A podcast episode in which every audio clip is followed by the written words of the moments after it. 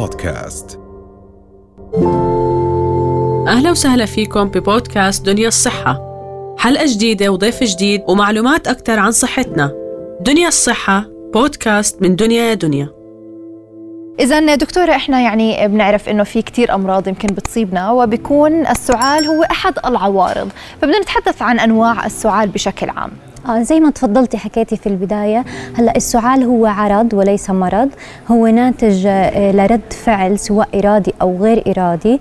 آه نتيجة دخول آه مسبب على الجهاز الرئوي. فبيحاول أنه الرئة تحاول تطرد هذا المسبب إن كان فيروس أو بكتيريا أو غبرة أو أي شيء ثاني هلأ السعال للأسف هو من أهم الأعراض آه، اللي آه، بتشخص فيها مريض الكورونا.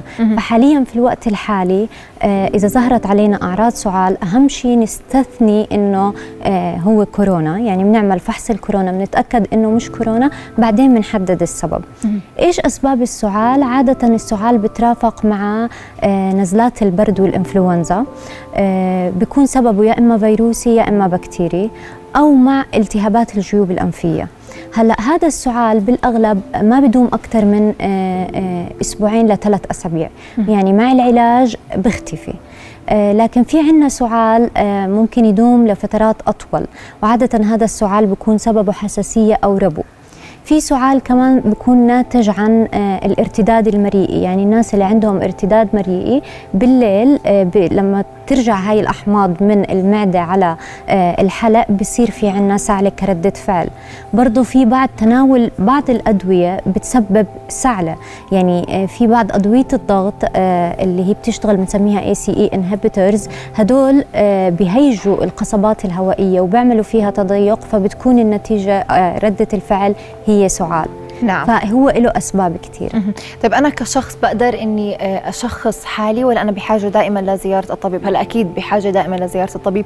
ولكن من بعض الأعراض يعني السعال شو بيكون مرافقه حتى أنا أعرف إنه أنا ممكن يكون عندي نزلة برد أو بالزبط. عندي مرض آخر. هلا عادة السعال المرافق لنزلات البرد والإنفلونزا برافقه حرارة برافقه آه، تعب عام آه، وجع في العضلات. يعني بتكون أعراض الإنفلونزا الثانية واضحة سيلان بالأنف. هذا أكثر شيء بيكون واضح على الشخص الشخص اللي هو مصاب بالإنفلونزا أو بنزلات البرد. هلأ آه، في عندنا السعال اللي هو نتيجة الحساسية. لا بكون مرافقة آه، حكة في الحلق آه، في الأنف سيلان يعني الدموع من العيون وبتكون عادة هاي السعلة في فترة الليل وبتشتد في فترة الليل وبكون هذا السعال يعني بتجاوز الأربع أسابيع عند الأطفال أو ثمان أسابيع عند الكبار. فيعني بتكون مدته طويلة. فهون إحنا بنقدر نحدد إذا هذا السعال تحسسي أو آه، سعال ناتج عن نزلات البرد والإنفلونزا. نعم. هلأ بما يتعلق كمان ذكرتي بأنه أحد أنواع الأدوية تحديدا لمرضى الضغط لما ياخذوا هاي الأدوية ممكن إنها تسبب لهم هذا السعال. السعال من بيكون يعني خاصة الأشخاص يمكن بياخذوه وبيفكروا إنه هلا نزلت برد خاصة مع موسم الشتاء. فهلا هم هل السعال بيكون مختلف؟ يعني فرضا في سعال بيكون طول اليوم أنا في عندي سعله صح. في سعال بيكون بس بوقت الليل بس لما أجي أنام. فهذا الموضوع كمان قد إيه مرتبط؟ وتحكي لنا كمان عن مدة زمنية ممكن تتراوح. هلا عادة اللي ببلشوا بتناول أدوية الضغط كأول مرة بدهم ينتبهوا لنوع الدواء اللي هم أخذوه. أول إشي من حيث إنه هو هذا الدواء نفسه راح يظبط لهم الضغط ثاني إشي بدهم يشوفوا إذا ظهرت أي أعراض جانبية أخرى عشان إنه يا إما بيستمروا على الدواء أو لا. هلأ في بعض أدوية من أدوية الضغط بتعمل تهيج في القصبات الهوائية وبتسبب سعلة. ممكن تكون هاي السعلة مجرد يعني خمس أيام أو أسبوع وتختفي. لكن إذا زادت مدتها عن هيك وعادة بتكون هاي السعلة جافة حادة يعني لأنه ما في التهابات ما في إفرازات فهي بتكون سعلة جافة. هلأ إذا زادت ويعني سببت إزعاج للمريض وصار المريض إنه آه، آه، يعني السعلة هاي بالنسبة له عائق هون لازم إنه يرجع لطبيبه حتى يغير له الدواء لأنه في كتير أدوية بتشتغل على أشياء تانية وما بتسبب هذا السعال فهون تغيير الدواء هو الحل لإيقاف السعال ويمكن الدكتور هو الطبيب دائما دا لازم نرجع له بأي أكيد. أعراض إحنا عم نلاحظها حتى مع اخذ طبعا. الأدوية ودائما أكيد الدكتور الصيدلاني كمان هو بيقدر يفيدنا ويساعدنا بدنا نعرف كمان دكتورة منك شو هي الأنواع الأدوية اللي ممكن الشخص ياخذها حسب المرض اللي هو مصاب فيه أوكي هلأ إذا كانت هاي السعله سببها نزلات البرد والإنفلونزا إذا كانت فيروسية بدنا ناخذ مضادات للفيروسات إذا كانت بكتيرية يعني التهاب رئوي اللي بنسميه نيمونيا هون بدنا نشتغل على المضادات الحيوية. في جميع الأحوال بدنا نستخدم مضادات لاحتقان الأنف لأنه سيلان الأنف بهيج كمان السعله آه بنعطي في هاي الفترة مهدئات للسعله حسب نوع السعله إذا كانت السعله جافة بنعطيها شيء بنسميه انتي توسف يعني شيء بيوقف السعله بيشتغل على مراكز الدماغ. ولكن إذا كانت السعله فيها بلغم بنعطي الأدوية اللي هي بتحتوي على مرطبات بتساعد على تدويب هذا البلغم أو طرده آه، من الجسم. ف آه، يعني حسب نوع السعلة. هلأ إذا كانت السعلة سببها هو أمراض الربو والحساسية فهون لابد من إنه ناخذ ال antihistamines وناخذ البخاخات سواء الأنفية أو الفمية اللي بتحتوي على كورتيزون. لأنه الكورتيزون هو اللي راح يساعدني طبعا بالجرعات اللي بيوصي عليها الطبيب إنه آه، يخفف من هذا التحسس. وطبعا مدة العلاج لا تقل عن شهر وممكن تستمر لثلاث أو ست شهور حسب حالة المريض. حتى يقدر يتحسن. إذا كان السعال سببه آه، آه، اللي هي حموضة المعدة والارتجاع المريئي هون بدنا نعالج آه، الارتجاع المريئي بأدوية الحموضة. نعم. وإذا كان طبعا سبب السعال هو مجرد يعني هدول نزلات البرد السريعة أو إنه طلعت من جو دافي لجو بارد أو هيك حتى بالأشياء الدافية والأشياء العشبية بنقدر إنه نسيطر على السعال.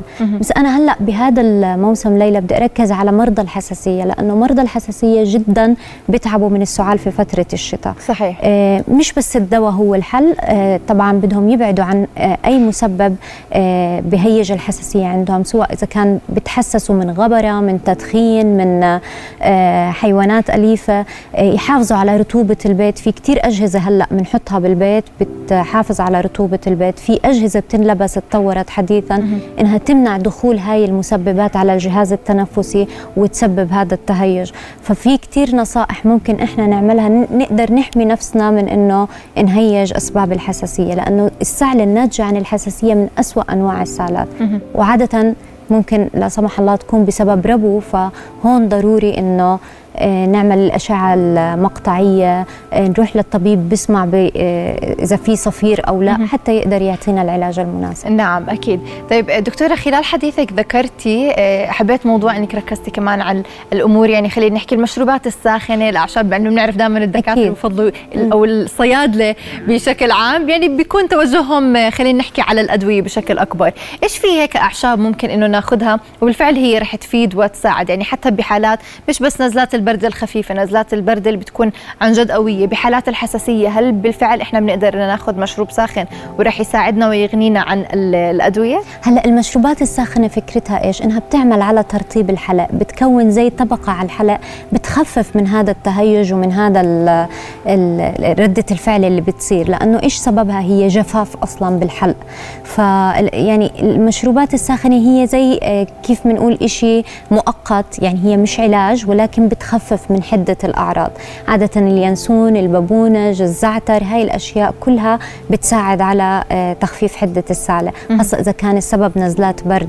يعني آه، عادة أنه نعالج السعال الناتج عن الحساسية أو الناتج عن ال reflux أو الناتج عن آه، أدوية معينة بالمشروبات الساخنة أكيد ما راح يفيد. بس بنزلات البرد already الجسم بيكون بحاجة لهي المشروبات حتى تمده بالطاقة وتساعده على أنه تخفف الأعراض كلها بشكل عام. نعم. وطبعا العسل من الأشياء اللي بنصحوا فيها ولكن مش لجميع أنواع السعلة لأنه في بعض أنواع السعلة العسل بهيج نعم.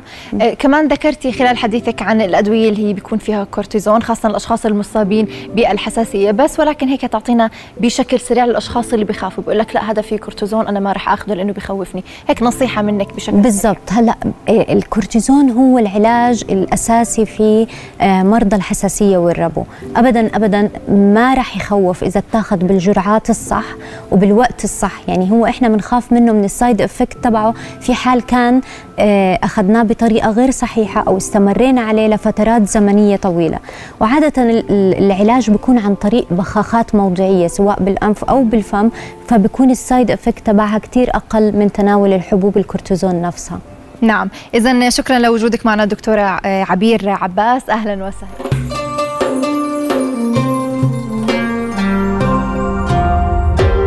رؤيا بودكاست